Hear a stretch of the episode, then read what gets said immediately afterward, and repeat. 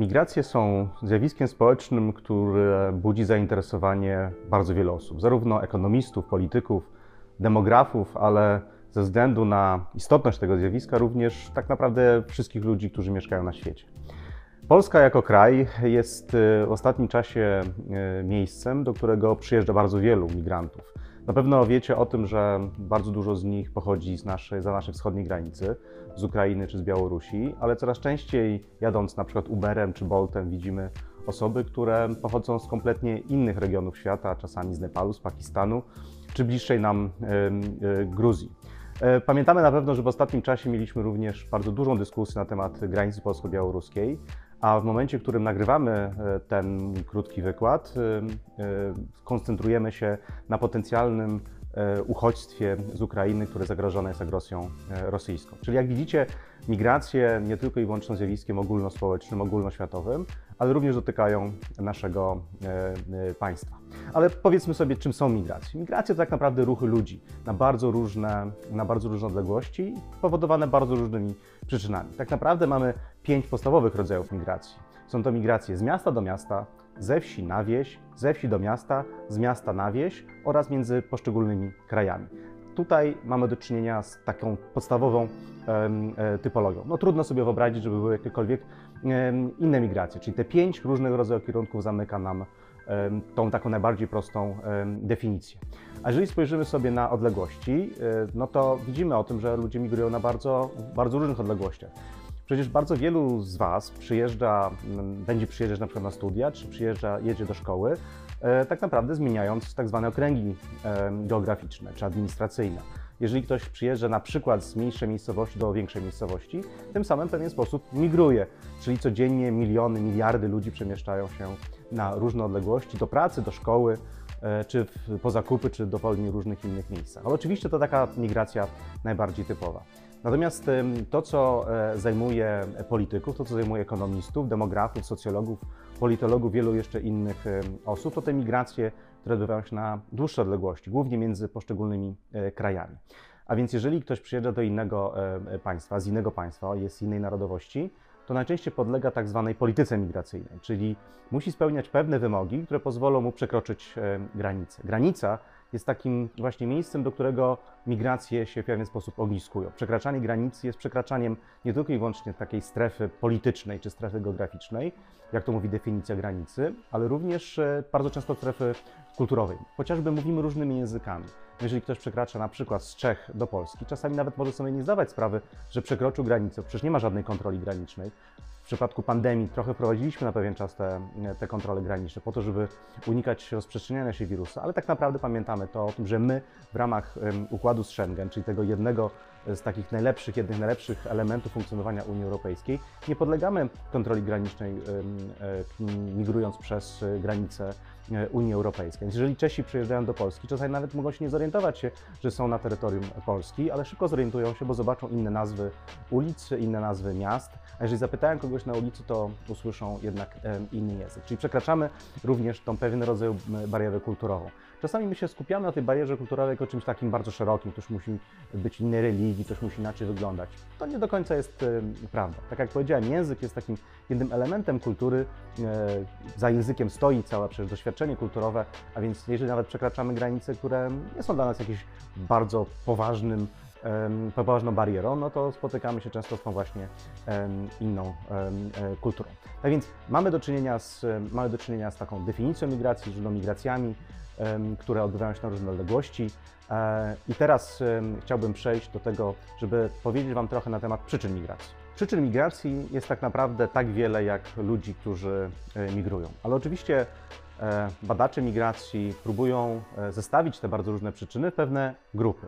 Teraz, jeżeli zastanowimy się, dlaczego ludzie najczęściej migrują, to mamy kilka grup takich przyczyn. Po pierwsze, są to migracje ekonomiczne. Po prostu ludzie chcą lepiej żyć. Każdy z nas ma jakiś pewnego rodzaju obraz e, życia, który chciałby realizować, który chciałby mieć. Dlatego też ludzie, kiedy zdają sobie z tego sprawę, że w danym miejscu nie są w stanie uzyskać tego poziomu życia, do którego, który chcieliby uzyskać, mają pewnego rodzaju wyobrażenie, decydują się na poszukiwania miejsca, w którym ich potencjały, ich e, nadzieje, ich cechy charakteru, ich umiejętności, ich doświadczenie może zostać lepiej wykorzystane. Mogą zrobić więcej pieniędzy, ale to nie zawsze muszą być pieniądze. To może być po prostu na przykład lepsza kariera, czy możliwość po prostu lepszego, e, lepszego tak zwanego lepszego życia. Czyli te przyczyny ekonomiczne to są jednym z tych przyczyn, których dla ludzie, dlaczego ludzie decydują się na migrację. Oprócz przyczyn ekonomicznych, o których mówiłem przed chwilą, y, innymi, inną grupą przyczyn, dlaczego ludzie migrują, są e, migracje tak zwane przymusowe.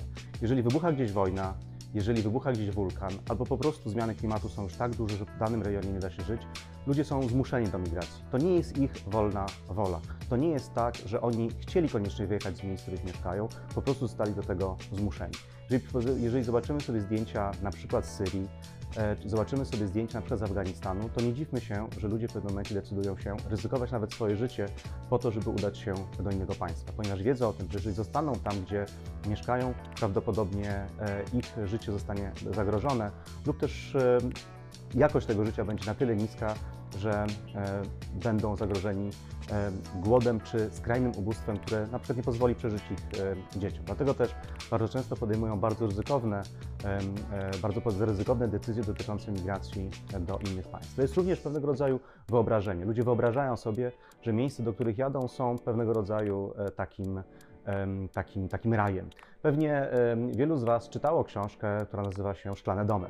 Jak pamiętacie, Cezary Baryka, który, e, który przyjeżdżał do Polski, też miał wyobrażenie szklanych domów, że przyjeżdża do kraju, w którym wszystko jest wspaniałe. Okazało się trochę inaczej. Bardzo często migranci również mają pewne wyobrażenia takie, które chcą wyjechać e, do innego państwa, widzą to państwo jako, jako raj. Na końcu okazuje się, że ten raj to często jest jakiś obóz dla uchodźców, czy e, praca poniżej swoich kwalifikacji za bardzo niewielkie wynagrodzenie. Takie są, takie są realia migracji. Ale nadal to życie na przykład w Europie, czy, czy nawet w krajach Afryki Północnej, e, tam gdzie bardzo wielu migrantów e, e, mieszka, którzy uciekli na przykład z Afryki subsaharyjskiej, czyli tej najbiedniejszej części świata, jest dużo lepsze niż ten, w tych miejscach, w których oni mieszkali, ponieważ tam nie ma dostępu do edukacji, nie ma dostępu do pracy, a bardzo często również nie ma dostępu do tak prozaicznych rzeczy jak woda. My, przychodząc do swojego domu, odkręcamy kran i woda się leje.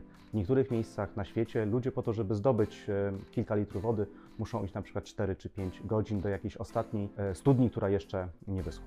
Do tej pory omówiliśmy dwa, dwa rodzaje czynników: ekonomiczne i polityczne, tak zwane migracje e, przymusowe. Ale mamy oczywiście również jeszcze inne typy migracji. Bardzo często taką, taką przyczyną migracji jest edukacja. E, Nawet e, Unia Europejska, do, którego, do której przecież należymy, wspiera e, migrację na studiach. Na pewno wielu z Was, już będąc studentami, będzie mogło skorzystać z tak zwanego programu Erasmus, które umożliwia właśnie krótkie pobyty za granicą, po to, żeby poznać inną kulturę, po to, żeby nauczyć się nowych rzeczy. A więc bardzo często również migrujemy w celach edukacyjnych. To niekoniecznie muszą być studia, ale właśnie na przykład poszukiwanie lepszej szkoły, którą sobie marzyliśmy, czy kierunku studiów, na który, którego w naszej miejscowości, gdzie mieszkamy, nie ma, a wiemy o tym, że gdzie indziej jest. A może po prostu naszym marzeniem jest wyjazd za granicę na studia, ponieważ to właśnie tam chcemy zdobywać, podnosić nasze kwalifikacje i em, zdobyć takie umiejętności, które pozwolą nam e, znaleźć wymarzoną dla nas, em, dla nas em, pracę. Kolejnym czynnikiem, który jest takim czynnikiem e, istotnym, e, a który bardzo napędza migrację, to jest po prostu demografia. Jak wiecie, Europa jest e, akurat tym miejscem, czy w ogóle państwa bogate są tymi miejscami, e, w których ludzie się, e, które społeczeństwa się starzeją. Co to znaczy się starzeją? Po prostu mamy coraz więcej ludzi e, starszych, e, którzy już bardzo często nie pracują albo pracują w niepełnym wymiarze czasu pracy, a mamy bardzo mało młodych ludzi, ponieważ tak zwana skala dzietności, czyli liczba dzieci przypadających na statystyczną kobietę jest na tyle niska, że te roczniki wchodzące na rynek pracy są zbyt niskie, żeby e, utrzymać tak zwany odpowiedni, e, odpowiedni wskaźnik, e, wskaźnik obciążenia demograficznego. To są trudne terminy, na pewno wszystkie je sobie spokojnie em, poznacie, będąc już na e, studiach. E, To obciążenie demograficzne, jeżeli ten- to obciążenie demograficzne jest zbyt duże, bardzo często państwa właśnie wspomagają się migracją, nawet zachęcają do niej, wiedząc o tym, że przyjadą najczęściej młode osoby, które uzupełnią te niedobory na rynkach pracy. Ale z drugiej strony mamy przecież na świecie państwa, w których ten wskaźnik dzietności jest powyżej 4, 5, nawet 6, a więc jest możliwe tak, że ludzie z jednego miejsca, gdzie jest zbyt dużo ludzi, przyjadą do tego miejsca, w którym jest tych ludzi zbyt mało. Oczywiście, gdyby tak było, byłoby to absolutnie cudownie, ale tak najczęściej nie jest, ponieważ, ponieważ tu nie chodzi o to, że to jest człowiek za człowieka, e, czy mamy, jesteśmy jakimiś robotami, których można bardzo łatwo e, przecież dostosować do, do pewnych umiejętności. Każdy z, tak jak już powiedziałem na początku naszego, e, naszego wirtualnego spotkania, ludzie mają swoje potrzeby, swoje oczekiwania, swoje doświadczenia i swoje umiejętności. Więc bardzo często osoby, które przyjeżdżają, muszą e, najpierw się wiele rzeczy e, nauczyć po to, żeby wejść na rynek pracy, po to, żeby dokładać swoją cegiełkę do społeczeństwa, w którym się, którym się znaleźli. Czyli musi być, e, trzeba wykonać sporo pracy. To jest tak zwana polityka migracyjna, ale również polityka integracyjna, w których to imigranci z różnych państw, przyjeżdżający do państw tak zwanych przyjmujących, odbywają pewnego rodzaju szkolenia, uczą się, uczą się języka, uczą się kultury państwa, w którym się znaleźli, pewnych zasad, które w nim obowiązują, po to, żeby e, nie dochodziło do ewentualnych konfliktów. Porażką polityk migracyjnych, polityk integracyjnych są pewnego rodzaju napięcia. Nie możemy od tego oczywiście uciekać. Migracje są wyzwaniem i migracje źle zarządzane, migracje, które mogą E, są oparte na pewnego rodzaju stereotypach, kiedy państwo nie chcą zainwestować w migrantów, mogą skończyć się różnego rodzaju wyzwaniami, które budzą napięcia między tym społeczeństwem przyjmującym, a osobami, które przyjeżdżają.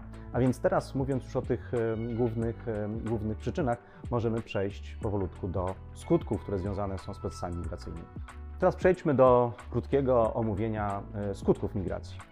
E, oczywiście, jako procesy społeczne zawsze są związane z przyczynami, o których już mówiliśmy, ale pewnego rodzaju skutkami. Jest wyjście i jest wejście. A więc w przypadku, w przypadku konsekwencji migracji mamy również konsekwencje pozytywne, jak i również konsekwencje negatywne.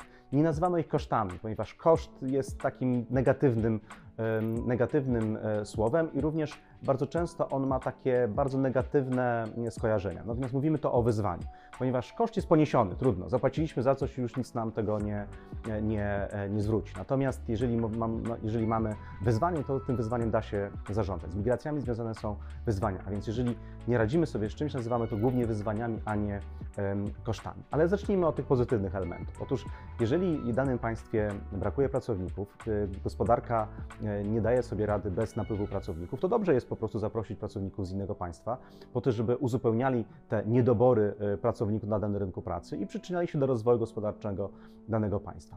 To zawsze również jest taki element, który czasami bywa kontrowersyjny, ale ja uważam akurat jako badacz migracji od 25 lat, że jest to bardzo pozytywny skutek. Po prostu przyjazd obywateli innych państw pozwala nam zrozumieć troszeczkę różnorodność świata. Różnorodność jest wartością, którą należy e, cenić. Więc jeżeli przyjeżdżają ludzie, którzy reprezentują e, inne kultu inną kulturę, możemy z nimi porozmawiać, możemy się od nich wiele rzeczy nauczyć, tym w taki sposób ubogacamy siebie. Dzięki temu, dzięki temu jesteśmy też, bardziej rozumiemy świat i po prostu jesteśmy lepszymi, bardziej rozumnymi ludźmi.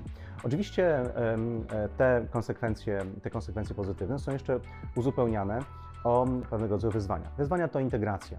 Otóż czy osoby, które przyjeżdżają do nas, zostaną przez nas zaakceptowane? Pamiętajmy o tym, że integracja cudzoziemców, e, integracja imigrantów, tak naprawdę integracja każdej odrębności, to osób niepełnosprawnych, czy osób, e, które e, na przykład mówią, pochodząc z jakichś innych, innej miejscowości, mają trochę inny tak zwany background kulturowy, wymaga takiego procesu, który ma dwie podstawowe nogi. Z jednej strony ludzie, którzy przyjeżdżają do nas, muszą się w pewien sposób dostosować do nas, ale również my w pewien sposób powinniśmy ich zaakceptować. Tak jak akceptujemy osoby niepełnosprawne, e, one się mówią, muszą się, muszą się dostosować do tego, do pewnych reguł, które e, funkcjonują na przykład w danej szkole czy w danym miejscu pracy, ale z drugiej strony mamy instrumenty, budujemy na przykład podjazdy, czy staramy się w jakiś sposób zaadresować ich, e, ich niepełnosprawności, po to, żeby mogli w pełni uczestniczyć w naszym życiu społecznym. Bardzo podobnie jest z migrantami.